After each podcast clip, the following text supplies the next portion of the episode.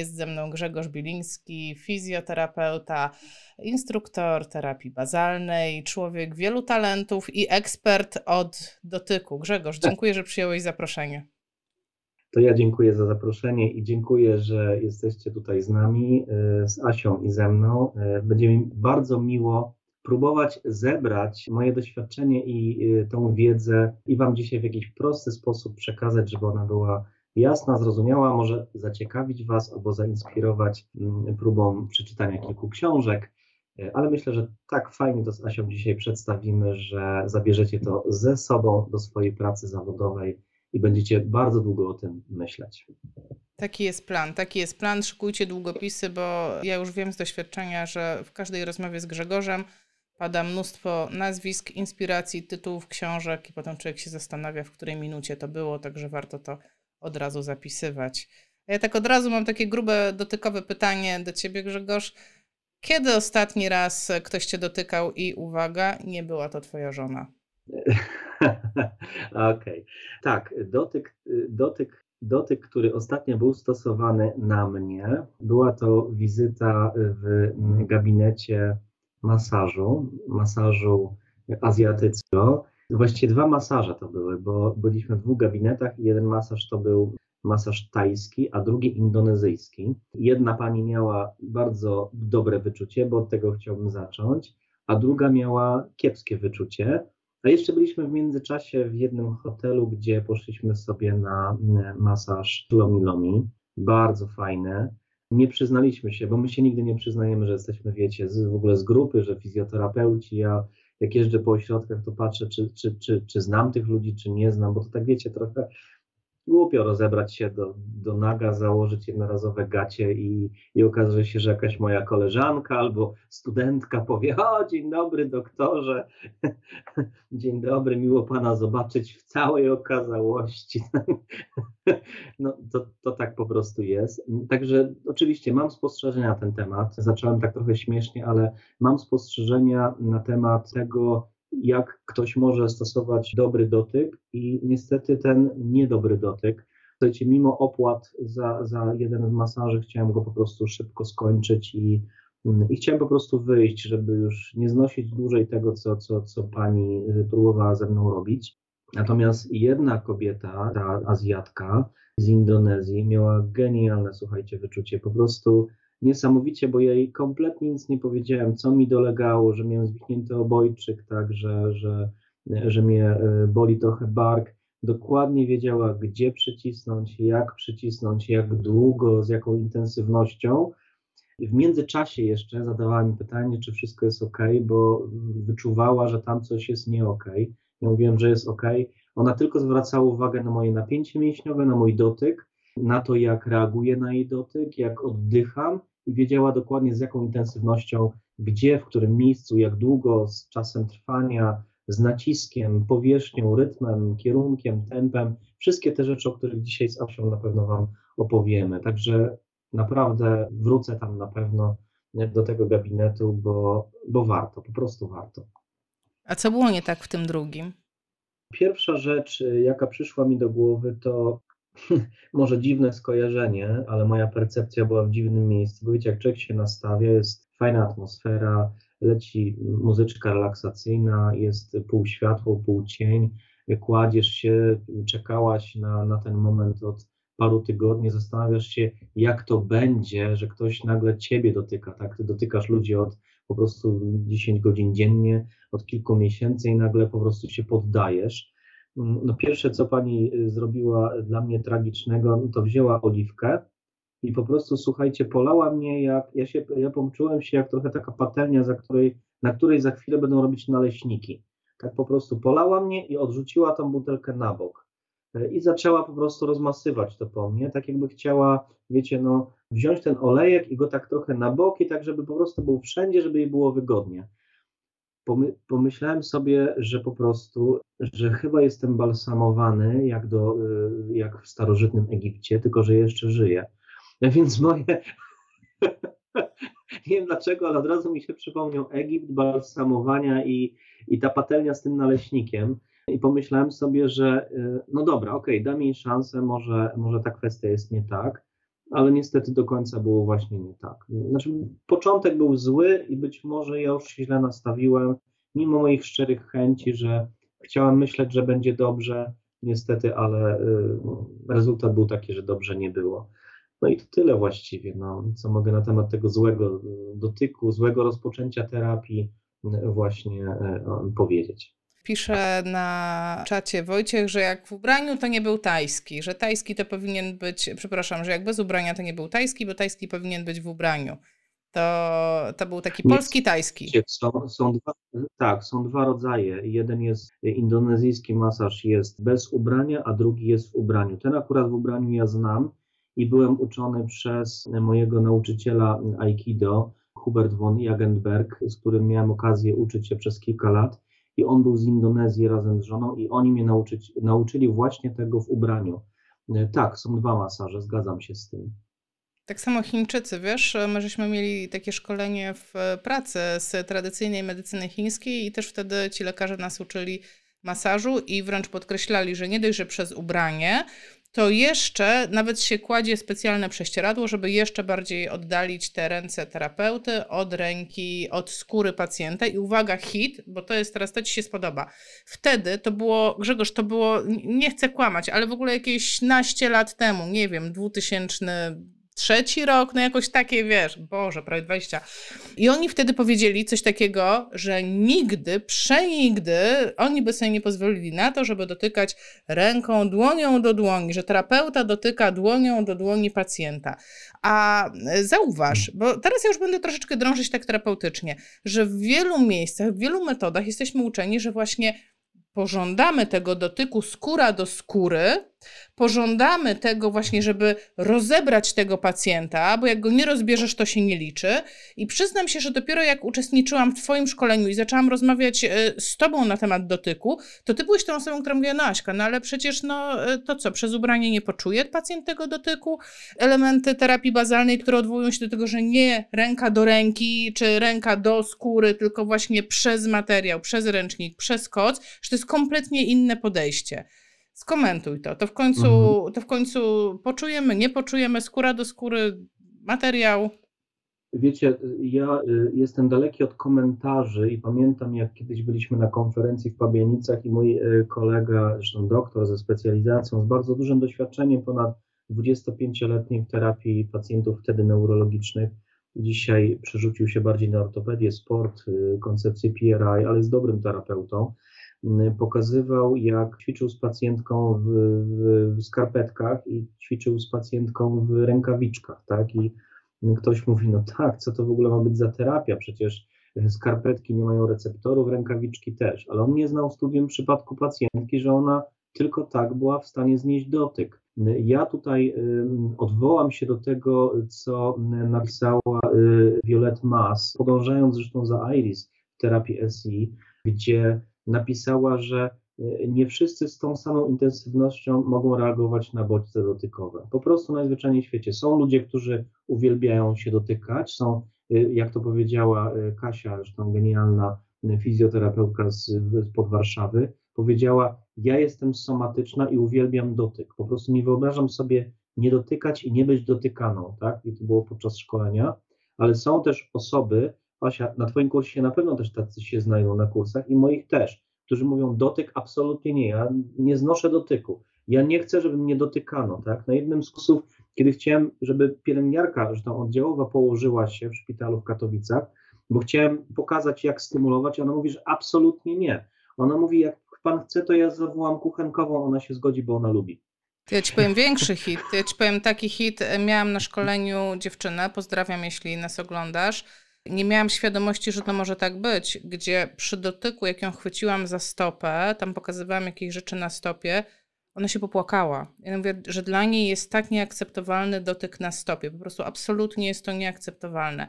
I, a, I mam jeszcze jeden przykład z ostatnich e, szkoleń, na które przyjeżdżała terapeutka zajęciowa, która się przekwalifikowała i mówi: Wy nie macie pojęcia, jakie wy macie szczęście w tym zawodzie, że wy dotykacie ludzi, że wy doświadczacie tego, co to jest chwycić drugą osobę, wiesz, no tak jakby zebrać doświadczenie z tej osoby. No mówi, to jest coś niesamowite. No mówi, pierwszy raz od 20 lat ja kogoś dotknęłam, kto wiesz, no z kim nie jesteś w relacji intymnej.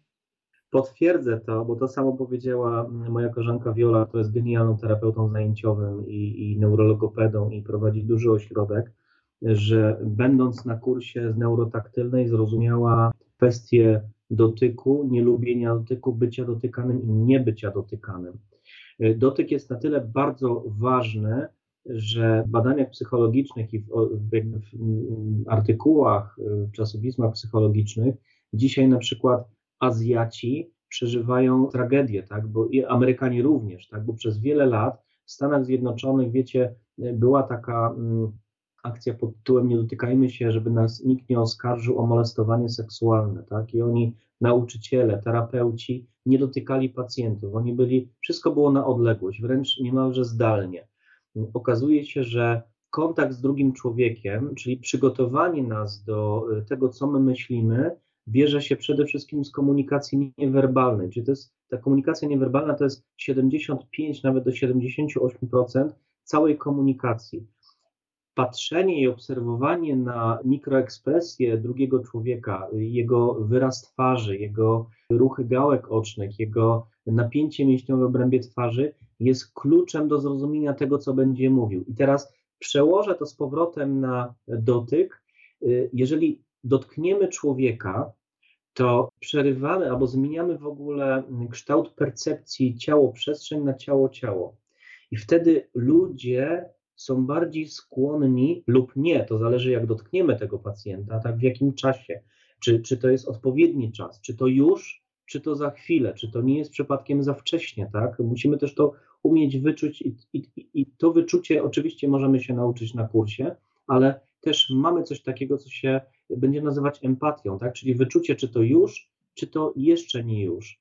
Ten dotyk będzie miał znaczenie w kształtowaniu myśli drugiego człowieka. Powiem Wam lepszy numer. W neurolingwistycznym programowaniu, mm, jak uczyłem się od mojego mistrza i przyjaciela Adama Grzesika, również cytował badanie naukowe gdzie ludzie, którzy mieli coś kupić od sprzedawcy, w momencie, kiedy zostali dotknięci, blisko 30% szybciej podejmowali decyzję o zakupie tego, a nie innego produktu.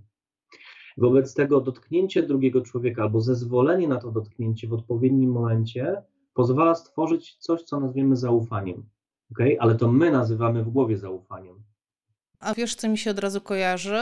Nie wiem dlaczego, jakieś mam negatywne myśli, nadużycie zaufania, że zauważ, to, że my dotykamy się z łatwością, no to to jest fakt, tak? Tutaj w ogóle nie zaprzeczamy, że y, my nie mamy problemu z pokonywaniem tej bariery.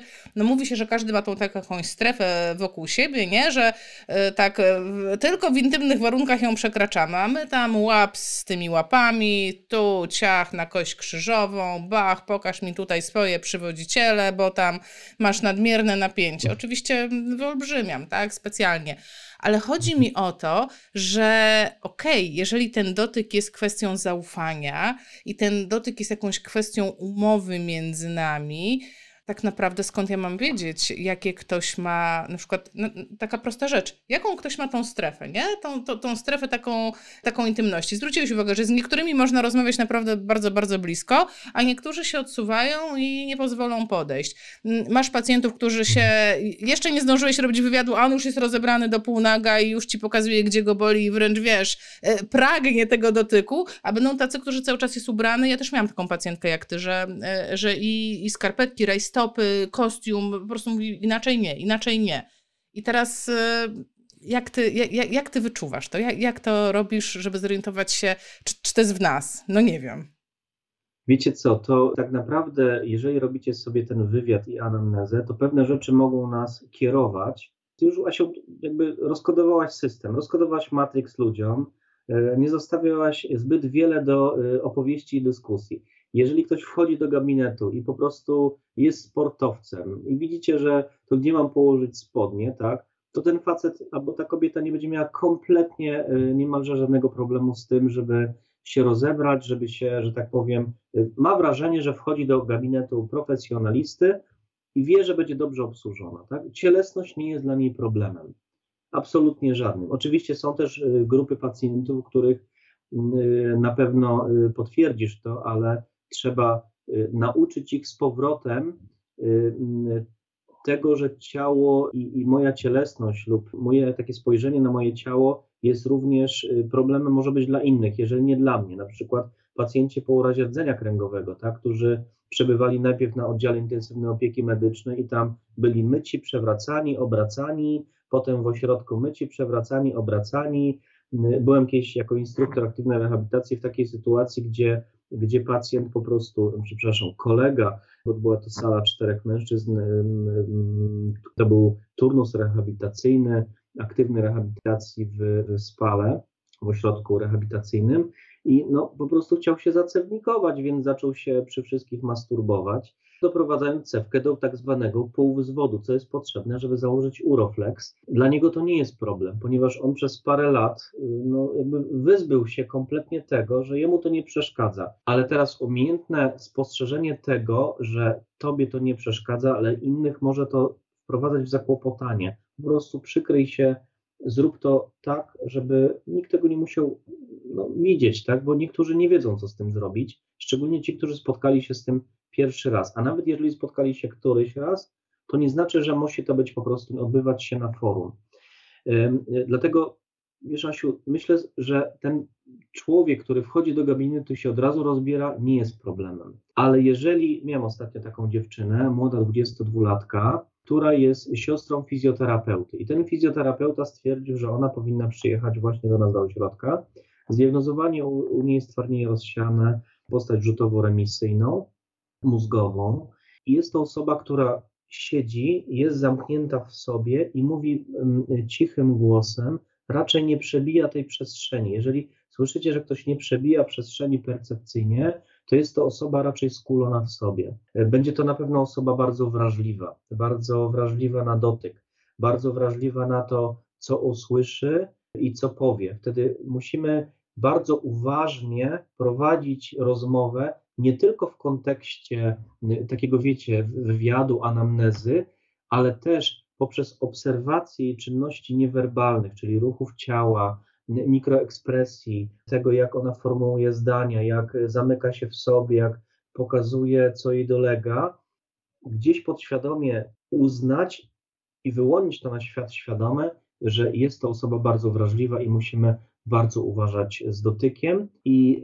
y, żeby ten nasz dotyk, czyli ta postawa, z jaką wychodzimy na spotkanie właśnie z tą osobą, naprzeciw tej sytuacji była jednoznaczna, tak, żeby zaoferować jej y, przede wszystkim y, taką percepcję przestrzeni i percepcję człowiek-człowiek, żeby ona czuła się bardzo bezpieczna. Myślę, że bardzo fajnie Zacytował to profesor Andreas Fryliś, którego zresztą poznałem na konferencji w Ostrawie, twórca koncepcji stymulacji bazalnej, a on z kolei cytował filozofa Martina Buber, że ja staję się tym, kim jestem przez Twoją obecność w tym momencie, tak?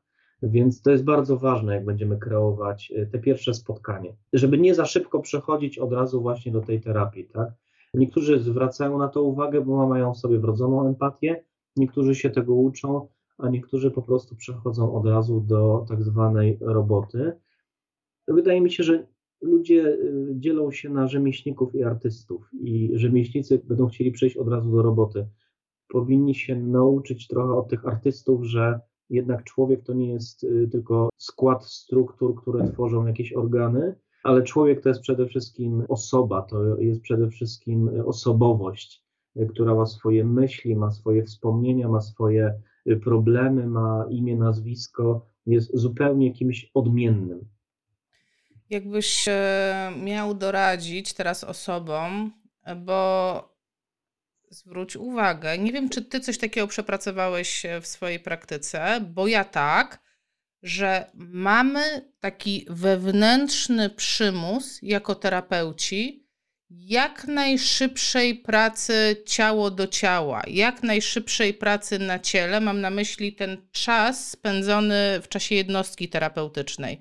I mhm. teraz od czego się wszystko zaczyna? No ten pacjent oczywiście, że jest ważny, ale tak naprawdę cała terapia zaczyna się ode mnie i od tego, co ja czuję, co ja myślę, tak? Y, bo, no bo od tego, co pomyślę, no to jest to, co zrobię. A co ja myślę? Że szkoda czasu na wywiad. Rany boskie, minutki lecą. Tutaj mam 30 minut, a minęło 7, a ja dopiero jestem w początku wywiadu, a ja już powinnam e, mieć tą osobę na stole i już rozciągać tam, nie wiem, grupę kulszowo-goleniową. Rozumiesz, o jakim przymusie takim wewnętrznym mówię, że jak nie dotykasz, to nie pracujesz, leniuszek jesteś. Masz jakąś taką poradę dla osób, które z tym walczą, jak to przepracować w sobie?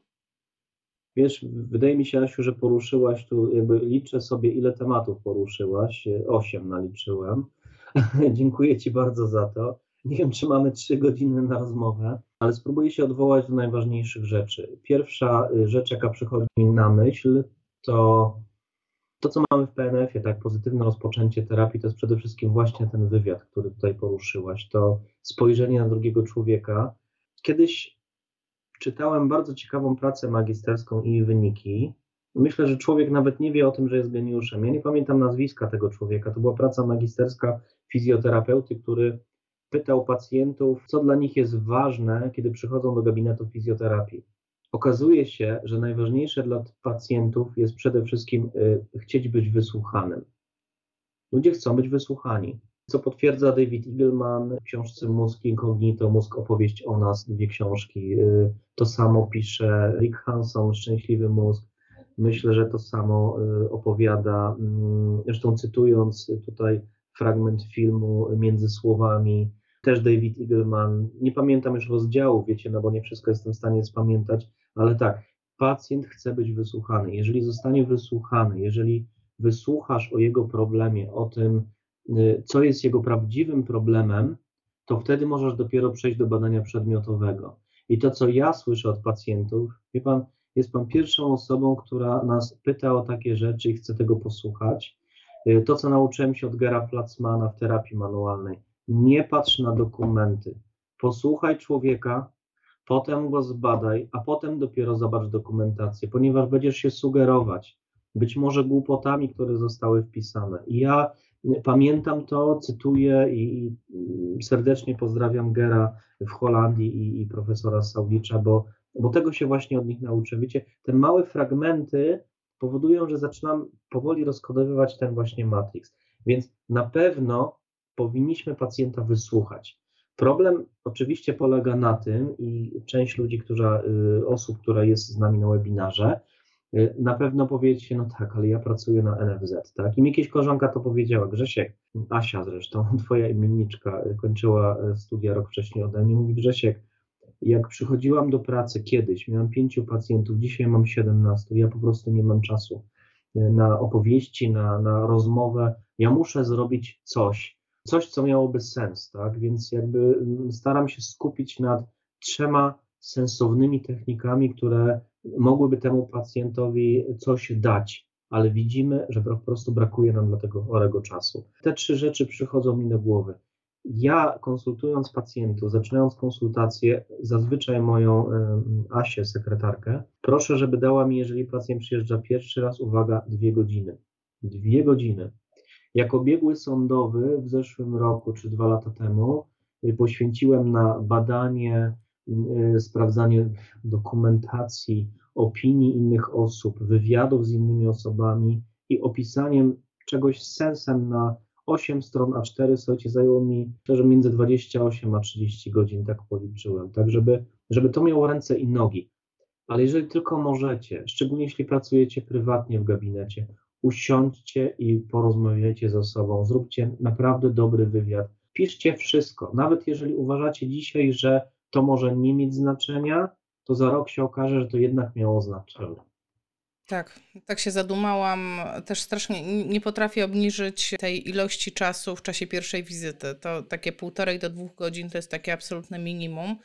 Wiesz, tak, ja na przykład piszę dużo o pacjentach, piszę, co oni mi mówią, ale też teraz spójrzmy na to od drugiej strony, spójrzmy na to od strony pacjentów, którzy mówią do nas, no ale już, no coś pani ze mną zrobi, tak? To, to co, to, to, to dzisiaj nic nie będzie? No to pani powinna wiedzieć, co mi jest. No ma pani tutaj rezonans, to pani powinna wiedzieć, co mi jest, nie, nie ja powinnam wiedzieć, co mi jest. Mhm. I wiesz, i tak, e, tak jakby wręcz natarczywie oczekują, że właśnie się ich położy i coś zacznie robić. Ja wiem, że to jest wyuczona postawa, tak? Że, że no, gdzieś zdobyli takie doświadczenia z białym personelem, no ale jednak e, tak jest. I teraz zobacz, taka ciekawostka, uwaga, wchodzimy, mówiłeś o tym, że jak dotykasz kogoś, to przechodzimy z percepcji ja, otoczenie, na ja ten drugi człowiek, tak? Dobrze to zrozumiałam? W ogóle mógłbyś, w ogóle zacznijmy, powiedz coś właśnie o tej percepcji, tak? Bo mnie to zaciekawiło. Co to znaczy, że co? Że, że jak ja jestem skupiona na otoczeniu, to co, to już się nie skupię na drugiej osobie? Czy jak ktoś mnie, czy jak kogoś, nie wiem, chociaż rzeczywiście, tak sobie pomyślę, jak na przykład siedzę, nie wiem, w, w urzędach czasami tak jest, nie wiem, czy zwróciłeś uwagę. Siedzisz w urzędzie i ktoś koło ciebie siada i mężczyźni mają takie coś, że tak się rozpychają, a i oni nie wiedzą, wiesz, i oni nie wiedzą, że ja nie mam bariery dotyku i że ja jestem równie dobrze, że no, dobra, dotknąłeś mnie, okej, okay, ja to zauważam, ale ja nie ucieknę. I wiesz, jest taka walka charakterów, kto wytrzyma, kto wytrzyma, no kto wygrywa, no ten, kto dłużej tam, wiesz, jednak z tym ciałem działa. Weź o tej percepcji. Właśnie, dlaczego jak on mnie dotyka, to ja tak nie mogę się skupić na tym otoczeniu? Trzy rzeczy. Jeżeli macie taką sytuację właśnie, że wchodzi ktoś do gabinetu i oczekuje od was konkretów, tak, to powiedzcie tak, oddajcie sobie przede wszystkim cześć, że jesteście profesjonalistami, żeby nie wylewać tej sytuacji z kąpielą, powiedzcie w ten sposób. I to jest znowu neurolingwistyczne programowanie. Proszę Panią, tak, ja zgadzam się, że powinniśmy przejść do terapii, natomiast chciałbym się bardzo, chciałabym się bardzo skupić nad celowaną rehabilitacją w tym właśnie sytuacji. Wywiad bardzo dobry, a późniejsze badanie będzie podstawą stosowania właśnie tej rehabilitacji. Dajcie mi jeszcze chwilę, ponieważ nie chcę przechodzić do, y, do terapii, nie robiąc kompletnego badania. Mam po prostu pewne wątpliwości. Co pacjent zrozumie albo rodzina? Zrozumie, że jest przed nimi profesjonalista, który jako jedyny do tego momentu chce naprawdę się nimi zainteresować, więc oni odbiorą to jako cechę bardzo dobrą, nie cechę złą, chociaż oni widzą cechę złą. To, to, to, jest, to jest NLP. Y, y, odnośnie tego drugiego, rozpychania się, jeżeli ktoś jest na poziomie niekognitywnym, można mu zadać pytanie na poziomie kognitywnym, czyli nie rozpychaj się, tylko na przykład możesz się obrócić i zadać człowiekowi pytanie: Widzę, że potrzebuje pan dużo miejsca. Czy jeśli przesunę się 5 centymetrów, to wystarczy, czy bo ja mam granicę w tym miejscu. Co pan na to? Ludzie nie są jakby nie są przygotowani na to, że zadasz im pytanie wprost, tak, żeby mówić w sposób jasny. O tym mówi psychologia po prostu, tak, żeby zadać pytanie wprost, ponieważ jeśli on jest na poziomie niekognitywnym, sprowadź go na poziom kognitywny, zadaj mu pytanie. No teraz po prostu rozwaliłeś okay. system, tak ci powiem. Teraz to ja już po prostu puf, wybuchło mi bo teraz sobie uświadomiłam, ile tych sytuacji było po prostu w ciągu życia i one się zdarzają ciągle. Dajcie znać na czacie, czy macie takie sytuacje, że stoicie sobie w markecie z wózeczkiem i za wami stoi ktoś i cały czas się na was pcha, albo tym wózkiem was tak przepycha delikatnie, a niektórzy to się pchają, że tak powiem, całą sobą. I na przykład mnie to, tak mnie to denerwuje. Dlaczego mnie popychasz? I ja wtedy jeszcze bardziej stoję, a on jeszcze bardziej popycha i tak się mocujemy. I tak myślę, jak ja bym wtedy się odwróciła i powiedziała, czy ja się troszeczkę przesunę, to czy to dla pana wystarczy? Jezu, to już to rozwali system, on, on wybuchnie. Ale to jest właśnie to, to jest zadawanie pytań. Mnie tego nauczyła, zresztą kiedyś pamiętam Sylwester, y, moja przyjaciółka Asia, kiedy była, wiecie, w ciąży z wielkim brzuchem, ósmy miesiąc, czy tam już dziewiąty, y, i staliśmy w kolejce w hipermarkecie robiąc zakupy y, i po prostu nikt nie chciał jej wpuścić do kolejki. I Asia mówi tak, przepraszam, czy ktoś z Państwa w tej kolejce jeszcze jest w dziewiątym miesiącu ciąży? Jeżeli nie, to ja pozwolę sobie wejść do sam przód. I nagle cisza, tak? Druga kwestia, o której mówisz, żeby zadać właśnie ludziom pytanie. Pamiętam, jak pandemia wybuchła i, i jakby, no wiecie, no, były ogólne zalecenia tak tej odległości, te zaczarowane półtorej metra. Nie metr 35, nie metr 60, przecież nikt z miarką nie chodzi, tak? Ale człowiek, który stał i chuchał mi, ja czułem jego po prostu oddech na karku, obróciłem się i zapytałem, przepraszam, czy jeśli będzie pan chuchał w mój kark, myśli pan, że pan zrobi szybciej te zakupy? I on w tym momencie, wiecie, jakby nie wiedział, co ma z tą sytuacją zrobić, ale zadałem to pytanie wprost. Y, to samo robię i tak naprawdę to opisywał Jorge Bukaj, psychiatra argentyński, którego książki wszystkie polecam, od listy do Klaudii przez y, bajki, które nauczyły mnie jak żyć, przez książkę Kochać z otwartymi oczami. On proponuje, żeby naprawdę do ludzi mówić wprost, że my używamy komunikacji nie wprost. Wiecie, tak mówimy ogólnikowo. Jeżeli pacjent i rodzina do ciebie mówi ogólnikowo, czyli wie pani, zazwyczaj ja tak ogólnie rzecz biorąc, myślę sobie, że te wszystkie procesy terapeutyczne, czyli mówi ogólnikowo, używaj sformułowań ogólnikowych. Natomiast oni będą się obawiać sformułowań wprost. Tego uczy nas neurolingwistyczne programowanie. Tu również jest taka sytuacja, żeby ludziom jednak zadać pytanie wprost, tak? czyli nie stwierdzenie, nie oskarżenie, tylko po prostu pytanie. Czy zastanawiała się Pani nad tym, jak mogłoby wyglądać nasze spotkanie, gdyby Pani się o mnie nie opierała? Bo ja na przykład mam tutaj taki problem i ludzie nie wiedzą, co z tą sytuacją zrobić.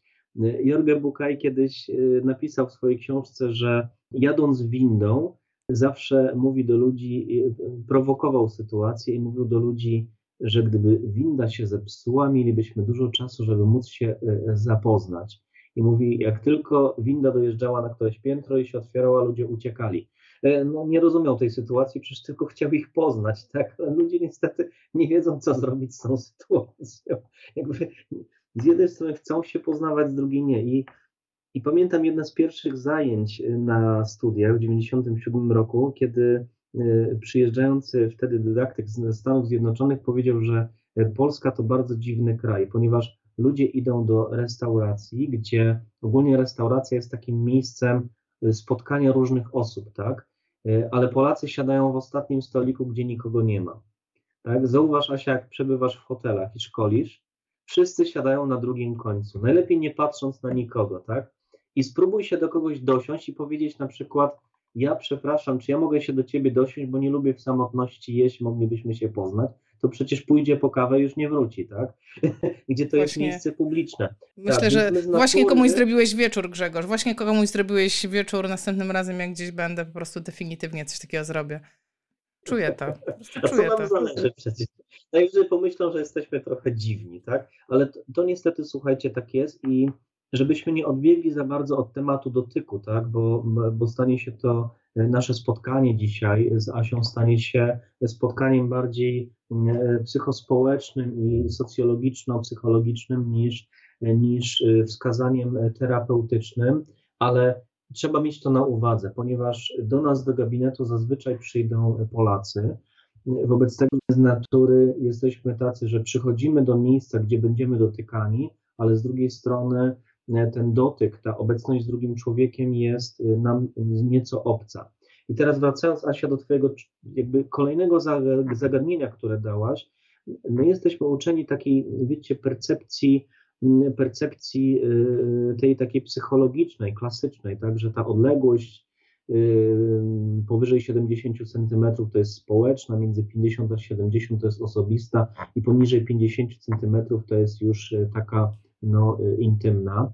Oczywiście w tej kwestii ma duże znaczenie y, nasza, y, nasze przygotowanie do tego, czyli y, że ten dotyk będzie przede wszystkim no, taktylny i nastawienie nasze. No, jeżeli kobieta idzie do ginekologa, no to spodziewa się, że będzie robił to, co będzie robił. Stomatolog też będzie robił to, co będzie robił, ale też od koleżanek słyszę, że lepiej iść do ginekologa mężczyzny niż kobiety, bo oni są jednak delikatniejsi. Po prostu najzwyczajniej.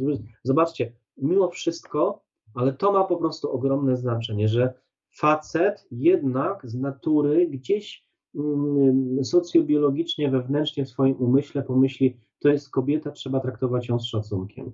Y, ginekolog kobieta jest po prostu chyba baba, tak? Ja to słyszę od moich koleżanek. Po prostu do niej więcej nie pójdę, potraktowała mnie, no, że tak powiem, mechanistycznie, więc to będzie miało duże znaczenie percepcji terapeuta-pacjent możemy rozróżnić to na różne etapy. Czyli jeżeli Twój pacjent jest w gabinecie i Ty przekraczasz linię gabinetu i znajdujesz się w tym samym pomieszczeniu, to już on jest przygotowany na to, że coś zaraz się wydarzy. Tak? W moich, przy moich pacjentach, tych pacjentach śpiączkowych, pacjentach po stanach śpiączkowych, można rozpatrywać to w sposób dobry, czyli ja wchodzę do pokoju, otwieram drzwi i patrzę, jak on oddycha, jak zmienia mu się napięcie mięśniowe, czy poruszył kończyną, czy być może obraca głowę w moim kierunku. Więc ja wtedy wpisuję w dokumentacji, jeżeli jest reakcja oczywiście, że pacjent zorientowany jest na daleką przestrzeń, czyli w zakresie pomieszczenia potrafi zareagować na osobę wchodzącą do tego pomieszczenia. On się czegoś spodziewa. Zaraz Wam powiem historię jednej pacjentki. I tych opowieści oczywiście miałbym bardzo wiele. Jeżeli nie ma tutaj reakcji, to, y, to podchodzimy do łóżka, ale jeszcze tego łóżka nie dotykamy. Chodzimy wokół łóżka. Y, wtedy być może ten pacjent, nasz podopieczny, y, a słowo ostatnio, uczę się słowa klient, też za psychiatrami, psychoterapeutami z Ameryki, bo to jest bardzo szerokie nazewnictwo człowieka, który przychodzi do nas z czymś i możemy mu coś zaoferować. Y, jest taka sytuacja, że y, być może ten człowiek reaguje lub nie reaguje. To może być, słuchajcie, opinia, na przykład jako biegły sądowy dwa lata temu, y, wywiad, no to jest przykre dla fizjoterapeutów, że fizjoterapeuci, lekarze niewiele pisali o człowieku przez trzy lata, ale mm, w sądzie zeznała sprzątaczka, że kiedy wchodziła do pomieszczenia i miła mopem wokół łóżka, to y, leżący młody człowiek na łóżku podążał za nią wzrokiem i powoli odwracał głowę. Y, ja musiałem to przełożyć na skalę komarekowe scale visit. Jest podążanie wzrokowe powtarzalne jako stan minimalnej świadomości.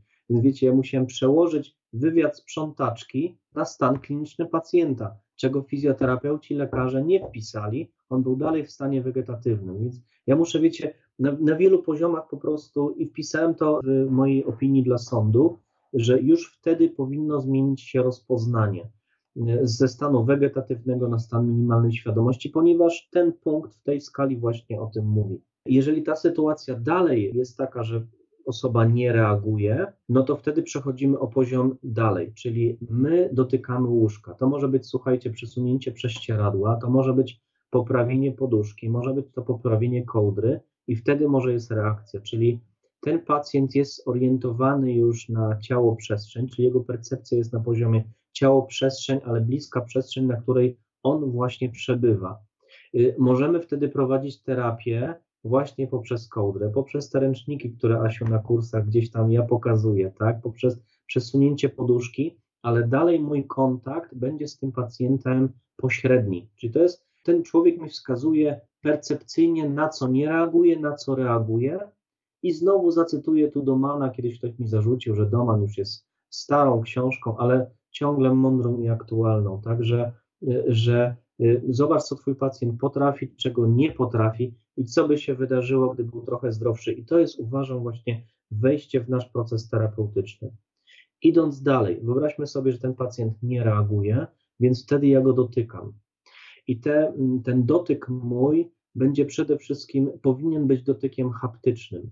Czyli mamy dwa dotyki. Jeden będzie taktylny, czyli ja bym chciał postymulować, na przykład, nie wiem, postukać cię w ramię, potrzepać cię po ramieniu, pomiziać cię albo zrobić ci badanie skalą Glasgow, postukać w twarz, tak? To jest dotyk taktylny.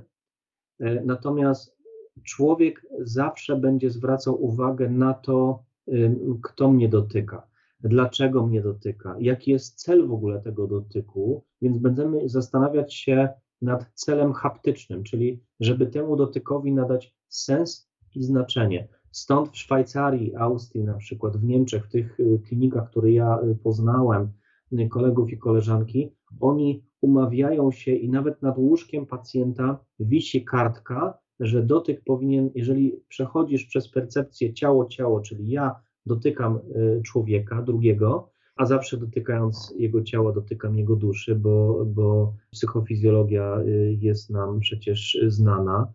Twórcą tej psychofizjologii był Michael Kanzaniga. Dużo, Asiu, o tym rozmawialiśmy, tak, o tych książkach, jego spostrzeżenia i jego zespołów.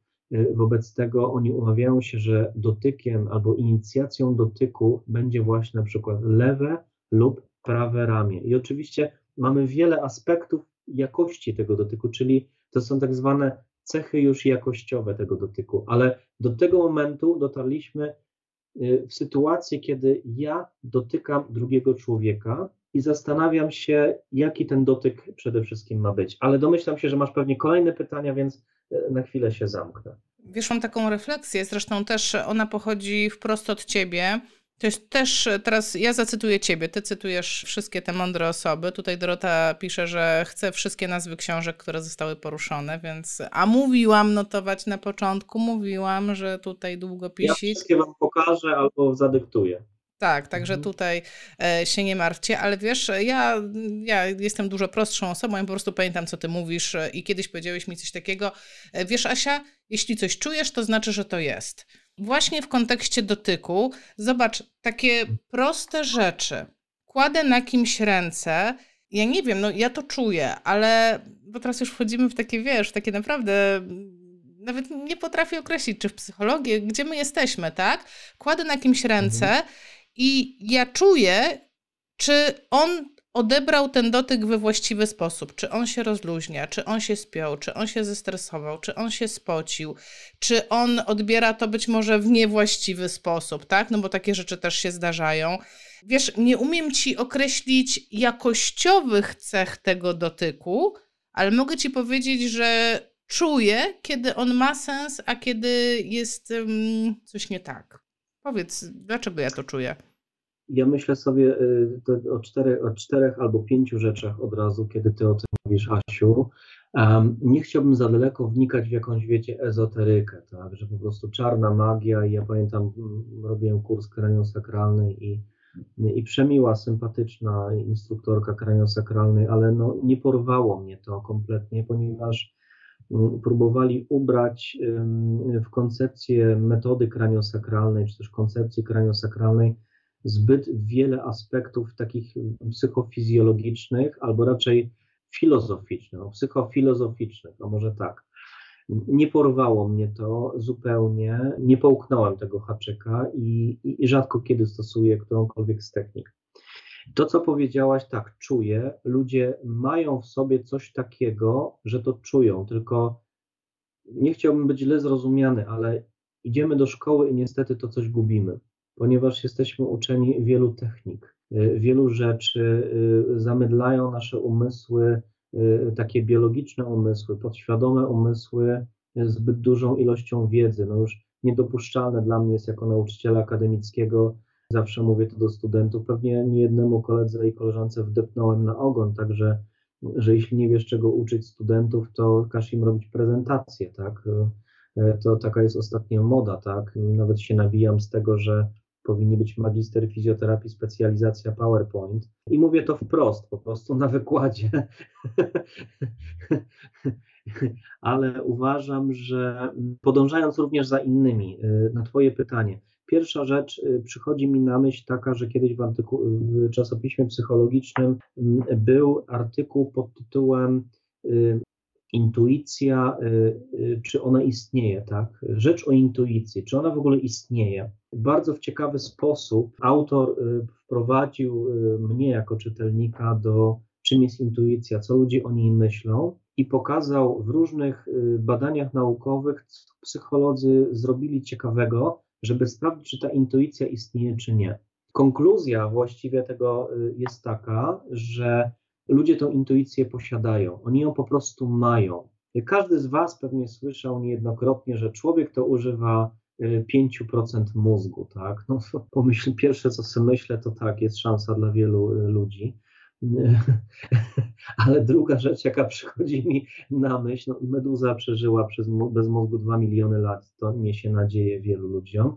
Y, ale druga rzecz, jaka przychodzi mi do głowy, to mm, że autor wskazał na to, że odczytywanie właśnie sygnałów niewerbalnych stanowi klucz do pojęcia tego, co jest werbalne. I wyobraźcie sobie, że y, ustawili kamery i te kamery były skierowane na wykładowcę, który prowadził y, zajęcia i były kamery, które były skierowane na studentów. On prowadził sobie wykład, mówił tam o czymś i były migawki twarzy tych studentów. Te migawki były, słuchajcie, pięciosekundowe. 5 sekund jedna twarz, 5 druga, 5 trzecia. Studenci rozwiązywali mm, test, czyli po wykładzie rozwiązywali test, jak wykład im się podobał, czy był ciekawy, czy wykładowca był fajny, czy treści były przekazywane dobrze, czy chcieliby jeszcze raz w tym wystąpić. Ludzie, którzy patrzyli na te zdjęcia, tylko na zdjęcia, nie byli na sali, nie słuchali, wykony, wy, wypełniali ten sam test. Współczynniki korelacji powyżej 95%. Co to oznacza?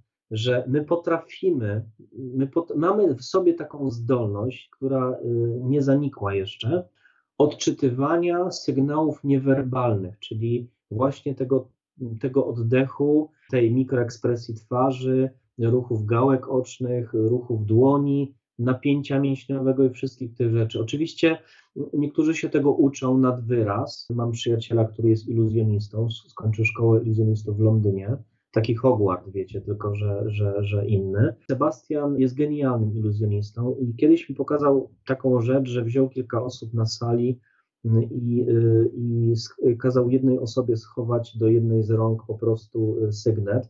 Wszystkie osoby miały wystawione ręce przed sobą. On wyszedł oczywiście z tej sali, kiedy ta jedna osoba schowała ten sygnet i on po prostu chodził wokół nich, opowiadał o tym sygnecie, Mm, dotykał ich ramion i mówił: Pani, dziękuję, pani może wyjść, pani też może wyjść, pani też. I do ostatniej ósmej osoby mówi: Proszę otworzyć dłoń. I dokładnie ten sygnet tam był. Mm, zapytałem go jak. On mówi: Wiesz co, ja po prostu robię to od kilkunastu lat i ja dotykając wiem, która osoba ma spiętą rękę, a która nie. I neurolingwistyka działa tak, że moje myśli będą wpływać na napięcie mięśniowe. To jest w ogóle totalny już, słuchajcie, odjazd no i co? Czy ja mam dowód naukowy na to? No nie, nie mam, ale widziałem to wielokrotnie i on to po prostu robi. On patrzy, jak ktoś y, oddycha, on patrzy, jak balansuje ciało, on patrzy, jakie ma napięcie mięśniowe i on wie, co ta osoba myśli. On dokładnie wie, o jakiej karcie ta osoba sobie pomyślała, czy to jest y, dama czerwień na przykład, y, więc to nie jest magia, to nie jest iluzja. On po prostu się tego uczył przez naście lat, jak odczytywać komunikaty niewerbalne właśnie z ruchów ciała. I my, terapeuci, również mamy coś takiego, tak? Jeżeli podotykacie pacjenta, to czujecie, że on jest spięty. Y, czujecie, że gdzieś jest bardziej luźny, tak? Oczywiście, wiecie, to podniesienie ramion może być związane z cechami układu oddechowego, kompensacjami związanymi z y, ustawieniem wdechowym, może być związane tylko i wyłącznie z torem niefizjologicznego oddychania lub używania mięśni pomocniczych jako głównych mięśni wdechowych, ale również może być postawą obronną. I ta postawa obronna staje się również później y, przetrwała. I jest wielu autorów, którzy twierdzą, że y, doświadczenia nasze, doświadczenia psychiczne mogą przerodzić się w niestety, ale uwierzy, uwierzytelnić się w problemie fizjologicznym, czyli te psychofizjologiczne aspekty. Zresztą cała książka o tym powstała niemieckiego autora Y, po traumatycznych przeżyciach, gdzie ludzi, y, którzy przychodzili do gabinetu fizjoterapii z bólem barku, bólem kręgosłupa, nadgarstka, wprowadzali w stan hipnozy i okazało się, że ci ludzie, wiecie, przyjmowali pozycje spastyczne, pozycje obronne, jakby się przed czymś bronili. Jak zrobili wywiad z tymi osobami, one kompletnie nie pamiętały tego, co się wydarzyło, ale kiedy dotarli do ich dzieciństwa, okazało się, że to, co ich łączyło, wszyscy brali udział w pokazie lotniczym, gdzie na tłum spadł samolot i zginęło ponad 200 osób. Wobec tego oni tego nie pamiętali w sposób świadomy, ale jest coś takiego, co się nazywa pamięcią ciała. I to jest bardzo ważna kwestia. Więc jeżeli przyjdzie do Ciebie pacjent bólowy i ten ból nosi w sobie od jakiegoś czasu, to mamy dwie drogi. Albo jest to po prostu ból tkankowy, ból fizyczny, albo może wynikać jednak z procesów takich psychologicznych. I takie doświadczenia mam i powiem Wam, jeżeli chcecie, jak ja sobie to różnicuję. I używam tutaj do tego kraniosakralnej, mimo wszystko. Używam do tego y, oddychania, o którym mówił Doman, ale też mówi koncepcja PRI, ale wprowadzam jego stan układu nerwowego w konflikt sensoryczny i wtedy wychodzą mi wszystkie problemy. Jak odsyłam do psychiatry, zresztą konsultanta wojewódzkiego w dziedzinie psychiatrii doktora Stanisława Piwowarczyka. Dzwoni do mnie parę dni później i mówi, że genialna diagnoza, trafiony, zatopiony, ciężki problem psychiczny u pacjenta mogliśmy e, zaobserwować.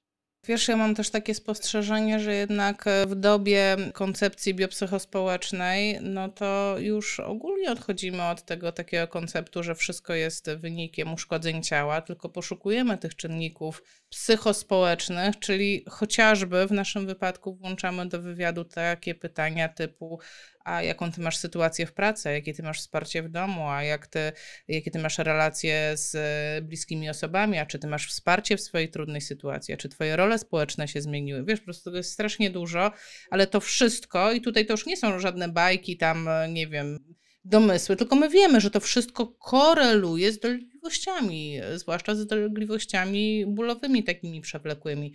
Więc tutaj bym, bym była spokojna o świat fizjoterapii takiej bólowej, ale wiesz o co nie jestem spokojna?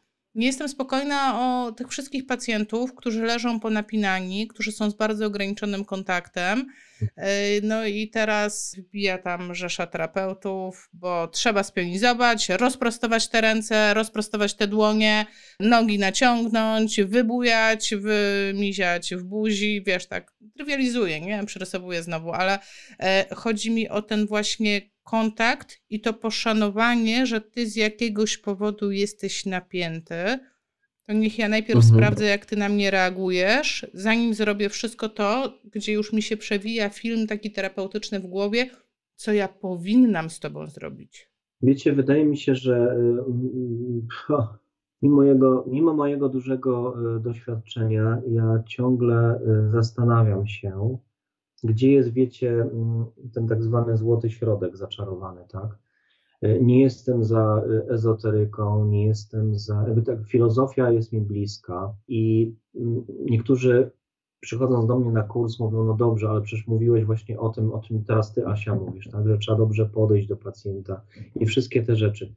To jest dobre rozpoczęcie terapii, ale czasami po prostu musimy wejść dość głęboko. Ja nie mówię bardzo głęboko, tylko dość głęboko. Nie wiem, znaczy ja wiem, i wy też to będziecie wiedzieć jako terapeuci, kiedy wasz pacjent jeszcze jest w stanie, kiedy to, co z nim robicie, jest akceptowalne. To mi powiedział zresztą y, pacjent po udarze mózgu, genialny dyrektor banku, mm, osoba bardzo wrażliwa, po udarze mózgu, y, gdzie dyskutowałem z nim w trakcie terapii, y, cytując mu gdzieś tam z mojego, mm, powiedzmy, poprzedniego starego życia, kwestię mm, dotyczącą,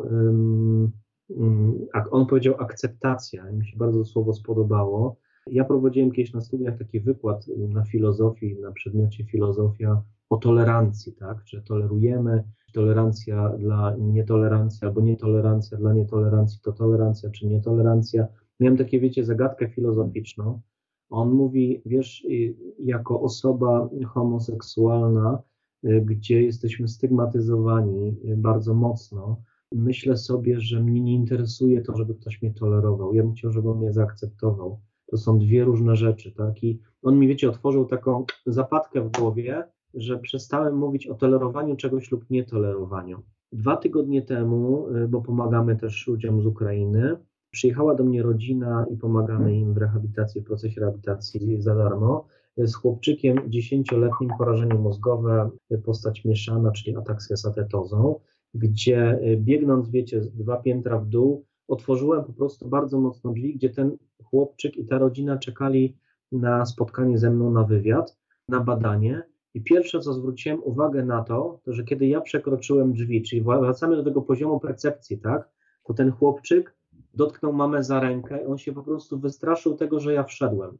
Ja oczywiście zrobiłem pozytywne rozpoczęcie terapii, poznaliśmy się, kucnąłem przed nim, przed wózkiem, tak, żebyśmy byli na jednym poziomie, ja nawet trochę niżej, e, żebym dowiedział się, jak ma na imię, czym się interesuje, skąd przyjechał, jest fajny, bo mówi po rosyjsku, ja też jeszcze rosyjski pamiętam, więc przywitałem się z nim po rosyjsku, e, potem rozmawialiśmy przez chwilę po angielsku, bo on rozumie język angielski i to było bardzo fajne i on bardzo fajnie w procesie terapeutycznym uczestniczy. Natomiast ojciec powiedział mi, żebym się nie przejmował, że on miał też takie te rehabilitacje, że on dużo płakał, ale płacz jest mu znany i akceptowalny. nie, nie jest akceptowalny. Wobec tego moja pierwsza obserwacja, że ja wszedłem i on, wiecie, na tym wózku chwycił mamę za rękę, nie chciał się od niej odkleić, wskazuje na to, że on się mnie nie wystraszył, tylko jego doświadczenie społeczne, czyli ten taki złożony system percepcji jego zależności, gdzie ja pokazywałem kiedyś na szkoleniach, pamiętasz, Asiu, ten heksagon taki, gdzie mamy percepcję, doświadczenie społeczne, uczucia, doświadczenie ciała, ruch, myśli, komunikację, tak? Czyli to wszystko jest zależne od siebie, to ja wiem, że jego myśli w tym momencie, jego uczucia, niestety, ale są związane z negatywnym doświadczeniem społecznym. I to jest rzecz zła, ale teraz uwaga, rzecz dobra. Miał, słuchajcie, jak to w Ukrainie, klasyczną taką fizjoterapię. Tam nie ma metod. Tam po prostu jest kultura fizyczna, ćwiczy się, rozciąga pacjenta, stawia się tego pacjenta i tyle. I dzisiaj chciałbym Wam przekazać informację taką, że uwaga, u nas w Polsce jest BOBAT, jest PNF, jest Wojta kraniosakralna, visceralna i wszystko inne i pacjenci po prostu są pokurczeni. A tam mają ortezowanie, rozciąganie, masaże i pacjent nie ma żadnych ograniczeń zakresu ruchomości, nigdy nie miał żadnych zabiegów operacyjnych, wydłużania ścięgien i wszystkich tych rzeczy. Więc i na to też zwracam uwagę, tak, że jadę do zakładu opiekuńczo-leczniczego i konsultuję pacjenta. Ostatnio miałem taką sytuację, świetny zespół, a on po prostu, słuchajcie, ma ruchy dowolne w palcach i w kończynach górnych i w kończynach dolnych, ale niestety ma przykurcza. I, mówię tak, albo to wynika z, z takiego zespołu psychosomatycznego, co się okazało prawdą, bo y, wylądował w takim stanie, ponieważ przedawkował leki psychotropowe, y, albo niestety on jest zaniedbany fizjoterapeutycznie. Pytam, gdzie było ortezowanie, tak, że on dopuści, dopuściliście do takich przykurczów, bo dzisiaj neurologicznie on jest w stanie wstać i pójść, tylko że co ja mam z tym teraz zrobić, tak, jak mam zgięcie podeszwowe po prostu 40 stopni, stopy końsko-szpotawe obydwie, y, ręce po prostu pod, pod brodą, on się w stanie podrapać, y, tylko że po prostu ma wszędzie przykurcze. No i w tym momencie zespół się przyznał, że no oni jakoś o tym nie pomyśleli, że to jest trochę ich wina, on jest u nich od sierpnia, tak, więc wiecie, nie może też być tak, że my, wiecie, będziemy się bawić w dotykanie ezoterykę, czego on akceptuje, czego on nie akceptuje, albo że ja rozpocznę terapię, kiedy on będzie ją akceptował. No to ja kiedyś to powiedziałem na szkoleniu, no to jakbym powiedział mojemu dziesięcioletniemu synowi, jak chcesz, to idź do szkoły albo nie, jak źle to zaakceptujesz albo nie, no to po prostu on nie pójdzie najzwyczajniej w świecie, więc mm, wiecie, oczywiście dajemy pacjentowi marchewkę, ale musimy też dać mu trochę kija, tak, żeby on też wiedział, gdzie to jest. To jest umiejętny balans pomiędzy jednym a drugim. Jeżeli tkankujesz pacjenta na przykład, niestety sprawiając mu trochę bólu, to ten ból, jeśli pacjent jest świadomy, powinien być akceptowalny. Znowu zwracam uwagę na słowo akceptowalny. Jeżeli masz pacjenta niekognitywnego, to zwracaj uwagę na jego oddech i napięcie mięśniowe. One ci wskażą, czy on się w tym momencie rozluźnia, czy jest w stanie znowu wziąć głęboki wdech i wydech. Jeżeli to zrobi, to znaczy, że adoptował się do tego nie idź dalej, ale też nie wycofuj się. Dlaczego? Dlatego, że neurodydaktyka i proste odruchy powiedzą nam o tym, że ten, ten y, układ y, protopatyczny, ten starszy, będzie chronił mnie przed uszkodzeniem, więc ten pacjent się po prostu zepnie. Jeżeli ty się wycofasz z tej terapii, no to on się bardzo szybko nauczy, jak pies Pawłowa, co trzeba zrobić, żeby ktoś przestał to robić, no trzeba się spiąć, tak? Wobec tego nauczy się spinania co nie będzie konsekwencją tego, co ty zrobiłaś, tylko będzie myślą o tym lub e, wspomnieniem danego doświadczenia, co trzeba zrobić, żeby do tego nie doszło. Po prostu zostań i trwaj w tym. Jak on się rozluźni, idziesz dalej dopiero, ok?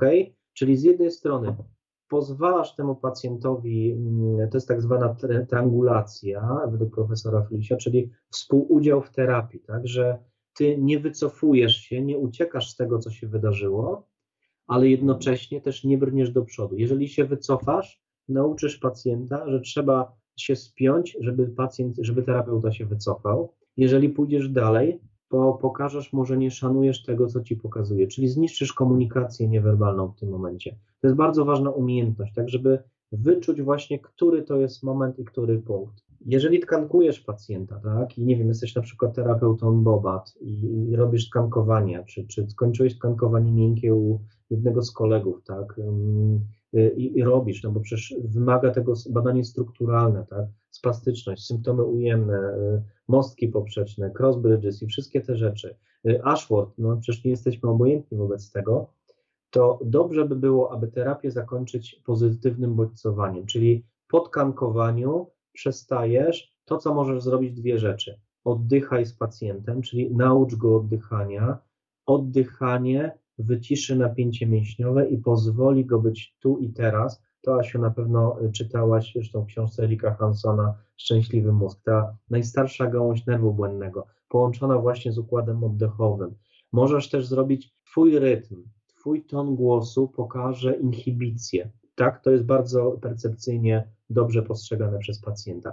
To, co możesz zrobić, to co ja pokazuję na szkoleniach, to dotknąć jego ramienia. Jeżeli ta ręka była tkankowana, przejechać po prostu parę razy w dół, żeby dać mu dobre zakończenie terapii, czyli interesuje nas nie tylko pozytywne rozpoczęcie terapii, ale również pozytywne zakończenie terapii, żeby on dostał dwa bodźce. Jeden, który sprawiał mu ból, ale żeby też doświadczył tego, że ty jako terapeuta przyszedłeś tu po to i kończysz z nim spotkanie w sposób bardzo dobry, tak? Chcesz zakończyć to spotkanie w sposób bardzo pozytywny dla niego. Widzę, Asiu, że czytasz chyba komentarze i chcesz mi zadać pytanie.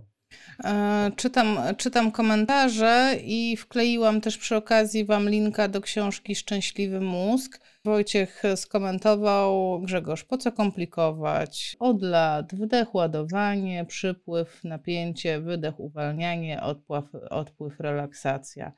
Beata się, mhm. całkiem się z Tobą zgadza też, że czasami trzeba przekroczyć te granice.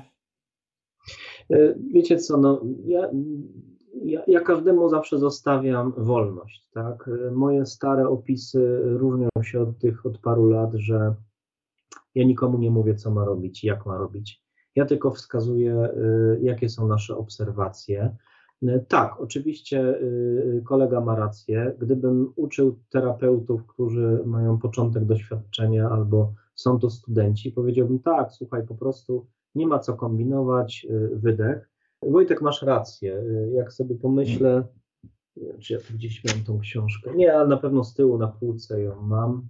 Y, książka pod tytułem y, Cokolwiek myślisz, pomyśl odwrotnie.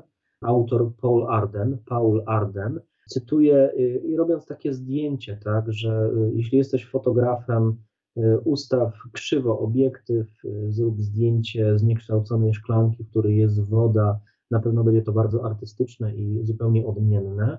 Obok po prostu nie kombinuj, zrób zdjęcie szklanki z wodą, tak jak po prostu leci, pstryknij i pokaż to ludziom. I w przypadku jednego i drugiego zdjęcia powiedzą, jest to po prostu szklanka z wodą. Nie każdy musi, wiecie, postrzegać dalej, głębiej. Po prostu niektóre rzeczy wymagają no, takiego podejścia nie artystycznego, tylko bardziej no, rzemiosła po prostu. Najzwyczajniej w świecie Proszę wziąć głęboki wdech, wydech, tu panią rozluźnię, a tutaj teraz zrobię tkankowanie i tyle. Szczególnie kiedy nie mamy czasu. Tak, Wojtek, masz rację w 100%.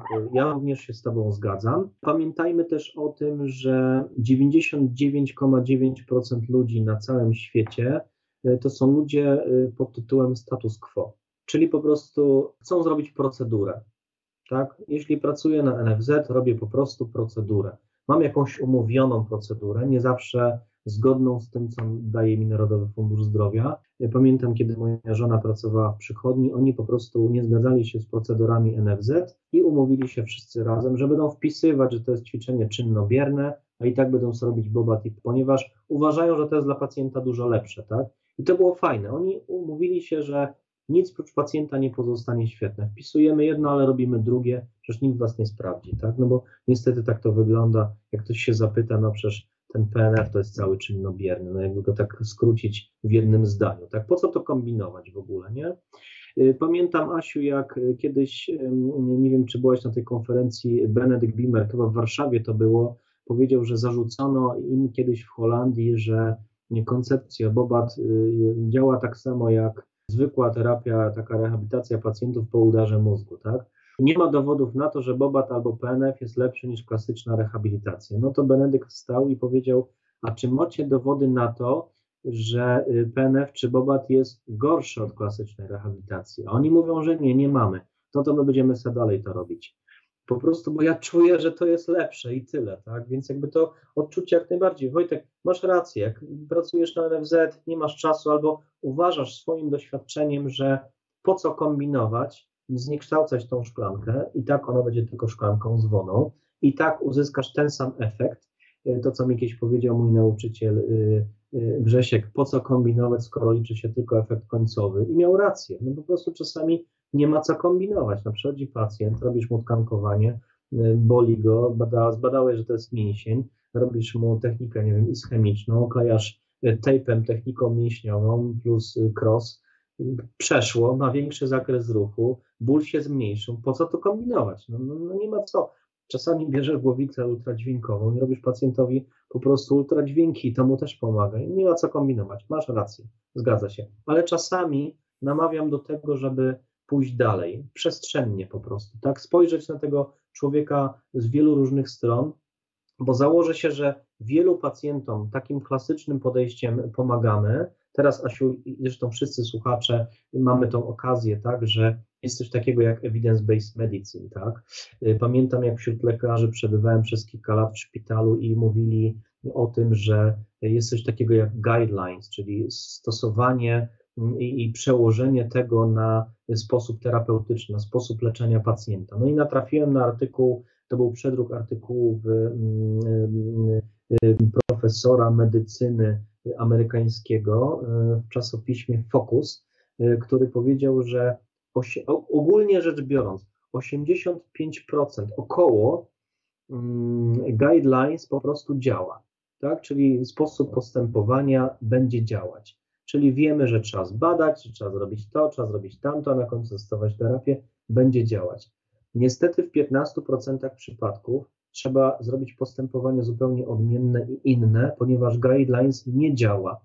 Y, I, y, i to, ta odmienność potrafi zbudować zupełnie inny proces leczniczy z dużym efektem terapeutycznym. Wobec tego tak, Wojtek, w 85% masz rację, 15%, jeżeli przyjdzie szczególnie do Ciebie pacjent, u którego stosujesz ciągle coś mądrego, coś dobrego, y, z różnych szkoleń, z swojego doświadczenia i to nie działa, to dobrze by było tego pacjenta odesłać do innego terapeuty. Miałem kiedyś taką pacjentkę, mój kolega osteopata, terapeuta manualny, doktor, specjalista, słuchajcie, genialny facet, nauczyciel akademicki, wyszedł kiedyś wkurzony, podszedł do parapetu, robi kawę i mówi, wiesz co Grzesiek, nie radzę sobie kompletnie z pacjentką.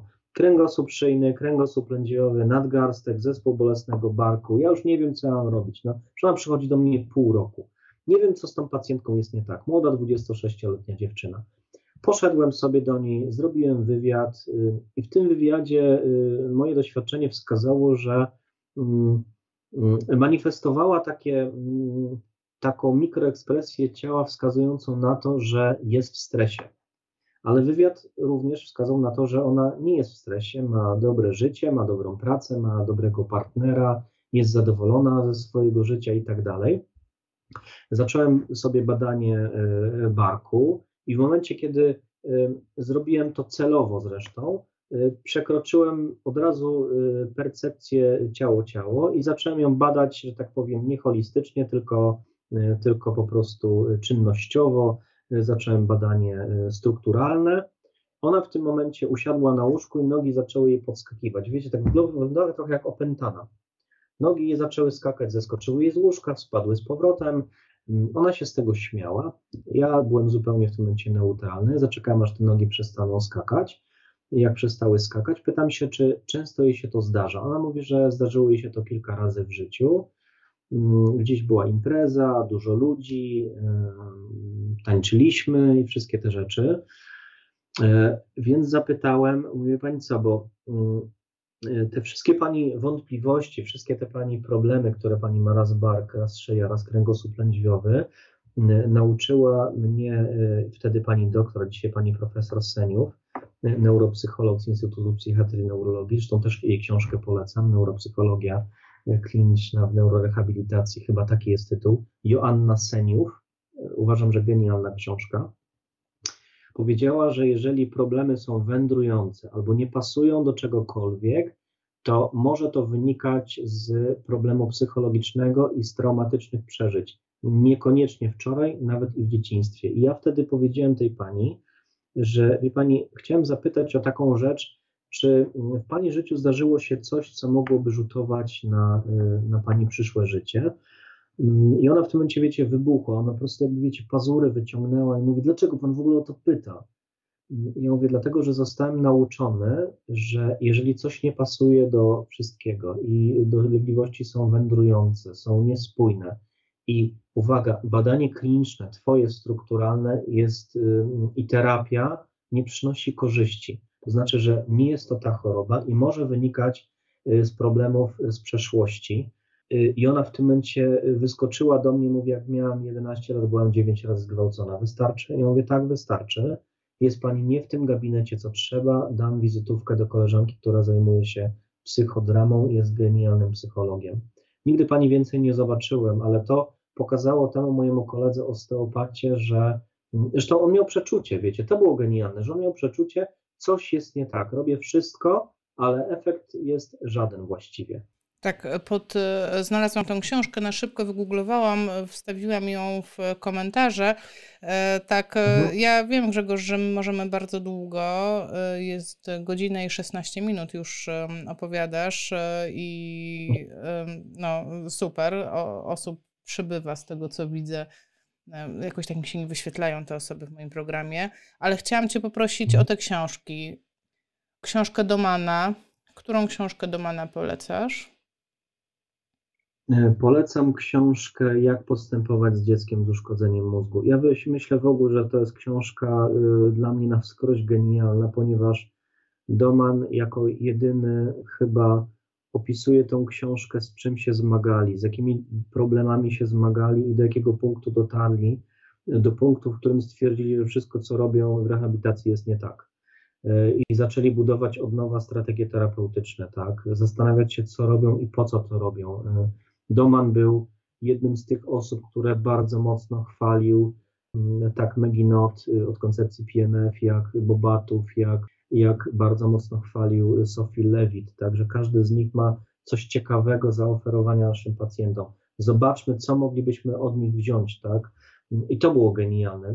To jest, wiecie, totalna otwartość po prostu umysłów, tak? Neurochirurgów, którzy mówili, jak, jak Doman przyszedł i mówi, słuchajcie, do neurochirurgów, bo psychologowie ostatnio udowodnili to, to i to, a neurochirurg go pyta, profesor, powiedz mi, jeżeli oni takie rzeczy udowadniają, to dlaczego my o tym nie rozmawiamy? Dlaczego my tego nie zastosujemy u naszych podopiecznych, tak? Dlaczego my się upieramy, że ma być tak, a nie inaczej, tak? Więc, jak wiecie, ciągle coś modyfikowali, to było po prostu genialne. To samo mm, bardzo mi się podobał y, Andreas Fryliś. Jeżeli ktoś pracuje z głęboką niepełnosprawnością, myślę, że książka Stymulacja bazalna od podstaw Andreas Fryliś y, jest po prostu książką na wskroś genialną. Ja y, do 35 strony czytałem ją pięć razy. Jak można w tak genialny, prosty sposób opisywać tak trudne problemy pacjentów? Profesor Fryliś, z którym miałem okazję zjeść obiad i napić się wina w Ostrawie, jak zaczynał swój wykład, twórca koncepcji stymulacji bazalnej, na pierwszym slajdzie pokazał zdjęcie, jak siedzi z Wacławem Wojtą i piją piwo i rozmawiają o pacjentach. tak, I, i profesor Friś powiedział, jak mi coś nie wychodziło i bazalna nie działała i bobat nie działał, pro, prosiłem o to Wacława, żeby on spróbował coś z tym zrobić. I okazywało się, że to po prostu działa. Więc mm, ja uczę się od nich wszystkich, że Y, metody bywają religiami. Tak? Zresztą o tym pisał Doman, tak? że, że ludzie traktują metodę jak religię. I, próba powiedzenia, że, że Bóg Słońca nie istnieje, albo że są inni bogowie, powoduje, że ludzie chcą cię zabić albo zjeść. Tak? Y, to, to jest niepożądane. Uważam, że powinniśmy mieć otwarte umysły i z kolegami po prostu, właściwie z każdymi rozmawiać i, okazać im szacunek. Być może oni mają coś ciekawszego do zaoferowania albo do uzupełnienia tego, co my robimy w procesie terapeutycznym, żeby, e, żeby, no żeby osiągnąć po prostu efekt, tak? bo nic prócz pacjenta pozostanie właściwie mm, święte. Co do dotyku, Myślę, że przede wszystkim nacisk będzie ważny, że powierzchnia będzie bardzo ważna. Starajcie się, jeżeli dotykacie pacjenta, użyć tej części dłoniowej, czyli palce przy, przylegają na końcu. Starajcie się mieć chwyt lumbrykalny, ale nie w kontekście, że ja chcę czymś sterować, tylko moje palce, jeśli są razem, ja zawsze na szkoleniu, zresztą Asia, pamiętasz, mówię, żeby tutaj nie robić pacjentowi palcówek, tak, że, że te palce są gdzieś tam wszędzie i nigdzie. Jeśli zastosujemy taki, wiecie, dotyk dookoła, y, to, mm, to układ y, y, nerwowy tego pacjenta może rozpoznać, że ta osoba mnie chwyta.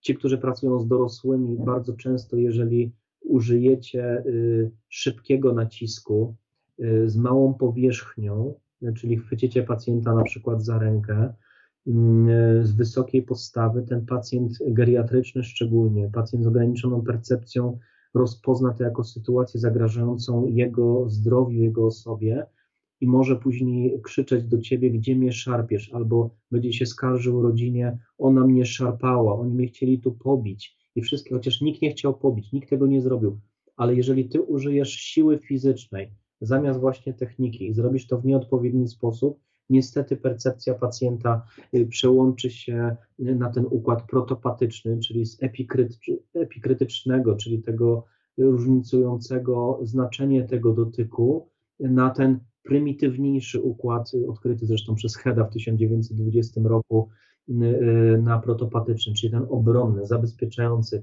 y, że nie chce być uszkodzony. Oni wtedy rozpoznają to jako coś, co może im po prostu zagrażać.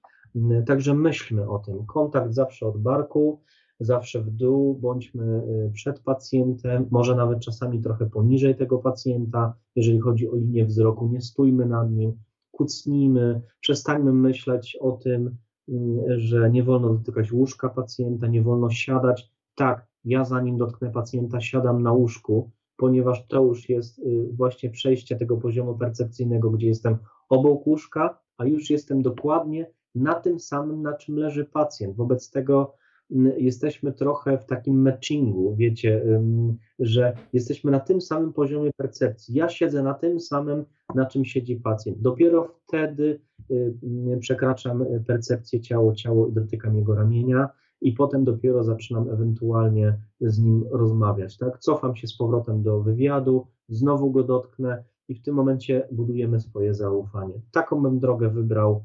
Y, u mnie się to sprawdza, ta droga działa od wielu lat i jeśli będziecie ją robić, zobaczycie, y, Jasia, tak jak to powiedziałaś, y, nie trzeba się tego uczyć, po prostu ja będę to wiedzieć i będę to czuć. Więc intuicja będzie polegać na tym, że my mamy w sobie wbudowaną empatię. Kolejna książka zresztą, Neurony lustrzane, empatia. Napisał ją, ach Boże, Michael, zaraz bym ją musiał znaleźć, słuchajcie, na półce, ponieważ są dwie książki. Jedna to jest o micie neuronów lustrzanych, a druga to jest neurony lustrzane. Nie pamiętam, słuchajcie, teraz nazwiska.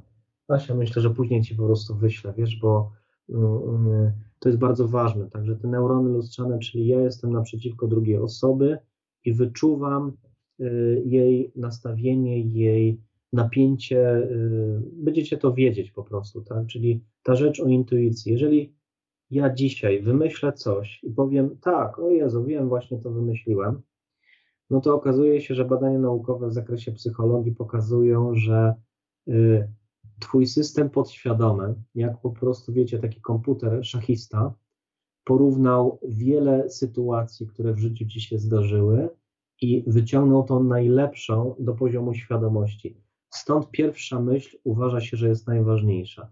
Właśnie dlatego, że wynika z podświadomego działania systemu, ale do tego trzeba doświadczenia. Tak? Wobec tego no nie da się tego zrobić od razu po studiach po prostu trzeba dotykać, dotykać, pracować, a w którymś momencie coś ci będzie odpowiadać albo coś nie będzie odpowiadać. I każdy z nas to ma.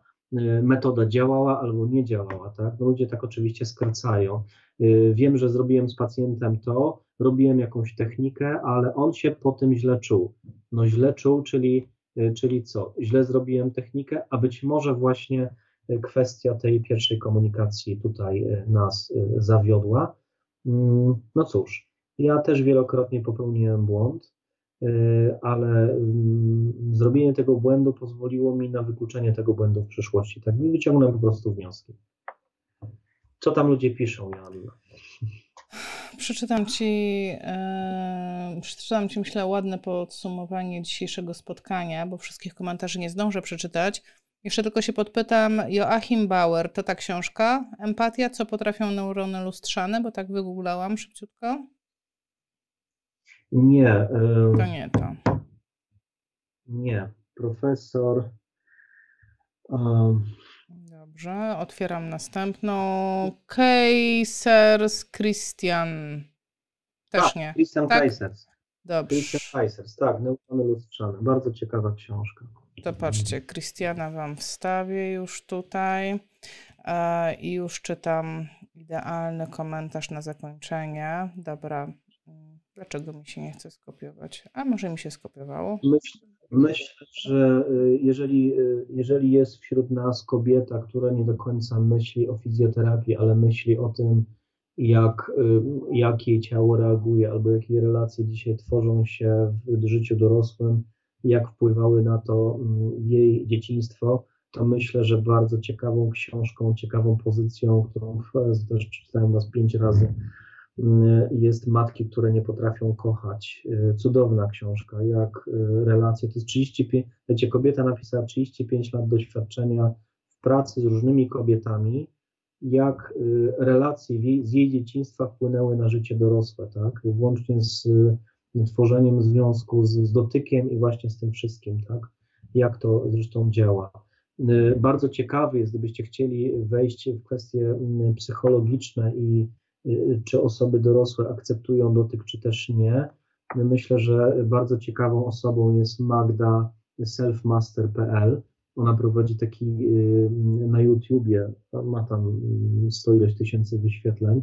Mówi o tym, jak jak tworzymy relacje i jak, jacy jesteśmy, jak nasze relacje z przeszłości z rodzicami wpływają na nasze relacje w dorosłości i czy jesteśmy stylem bezpiecznym, czy stylem unikającym, czy stylem pozabezpiecznym, czyli to też ma ogromne znaczenie. No, przytłacza czasami, wiecie, ilość, jaka ilość jest tych rzeczy, które mogą mieć znaczenie y, na człowieka, nie mówię, żeby od razu wszystkie je wiedzieć, tak, ale mieć świadomość właśnie, że one istnieją.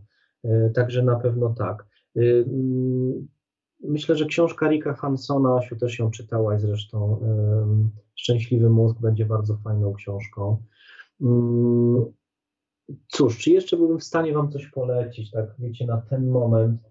E, nie, wydaje mi się, że to jest ok. No oczywiście David Eagleman, Mózg Incognito, jeśli ktoś pracuje z dziećmi, polecam książkę John Medina, Jak wychować szczęśliwe dziecko, a tak naprawdę tytuł oryginału to jest e, Brain Rules for Children, czyli zasady mózgu dziecka, czyli jak, jakie są reakcje behawioralne, tak.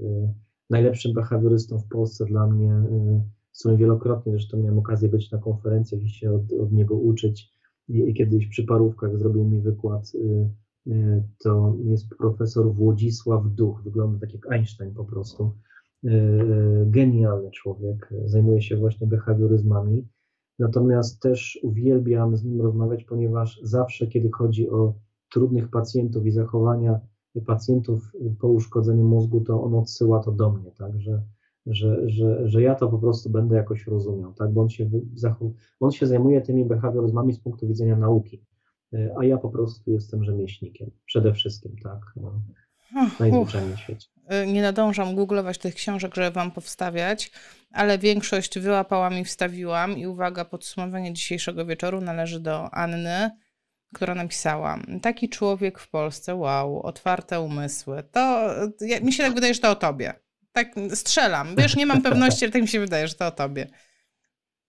Dziękuję Aniu bardzo. E, e, jeżeli jesteśmy dzisiaj na tym webinarze, to znaczy, że właśnie wszyscy mamy otwarte umysły, także chwała należy się i Tobie. Kolejne bardzo ciekawe spostrzeżenie e, napisane zresztą przez Jorgę Bukaja, że kontakt człowieka z człowiekiem to jest czysta projekcja. więc ja jestem tylko rzutnikiem, a ty jesteś ekranem. Jeżeli to odebrałaś, to znaczy, że e, jesteśmy w matchingu i nadajemy dokładnie na tych samych falach. Cieszę się, że mogłem się dzisiaj z wami spotkać i, i że możecie czerpać. Asiu, pamiętasz, kradnij, tak? Nieważne skąd kradniesz pomysły. Tak. Jeszcze... Ważne, gdzie one zawiodą. Wiesz, jak ja to mówię, że nie da się zagrać na strunie, która nie istnieje, więc jeśli rezonuje to w Was, o czym mówił Grzegorz, no to znaczy, że ta struna jest. No, no nie da się zagrać na strunie, która nie istnieje, tak po prostu. Kochani.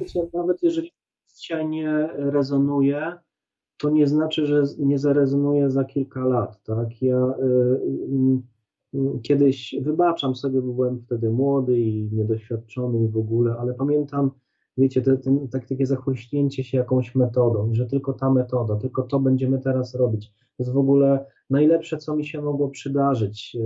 Wiecie, no wyleciałem, że tak powiem, y, na księżyc, tak, y, poznając jakąś koncepcję i miałem dużo krytyki wobec tych moich starych nauczycieli, starych fizjoterapeutów, że ja, jak oni mogą takie głupoty mówić i robić.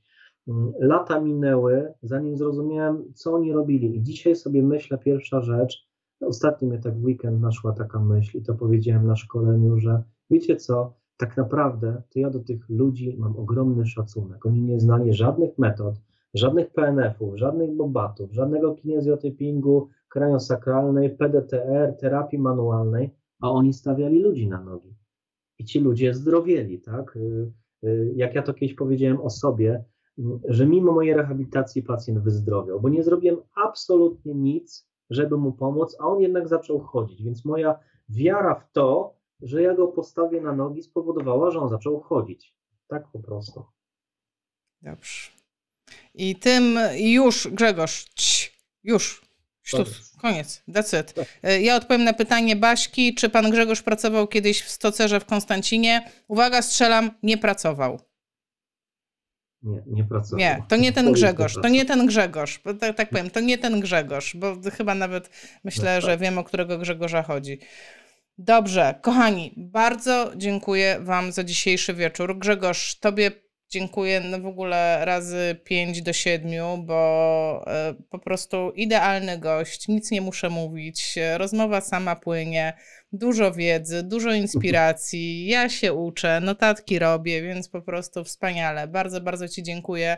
Tutaj na czacie takie wnioski były, żeby to nie był ostatni raz, to także też jest myślę mój wniosek. Także dziękuję Ci za dzisiejszy wieczór i Wam również bardzo dziękuję za dzisiejszy wieczór. Dobrego wieczoru Wam życzę. Dziękuję Ci, Jasiu, za spotkanie. Dziękuję Wam bardzo. Do zobaczenia. Cześć.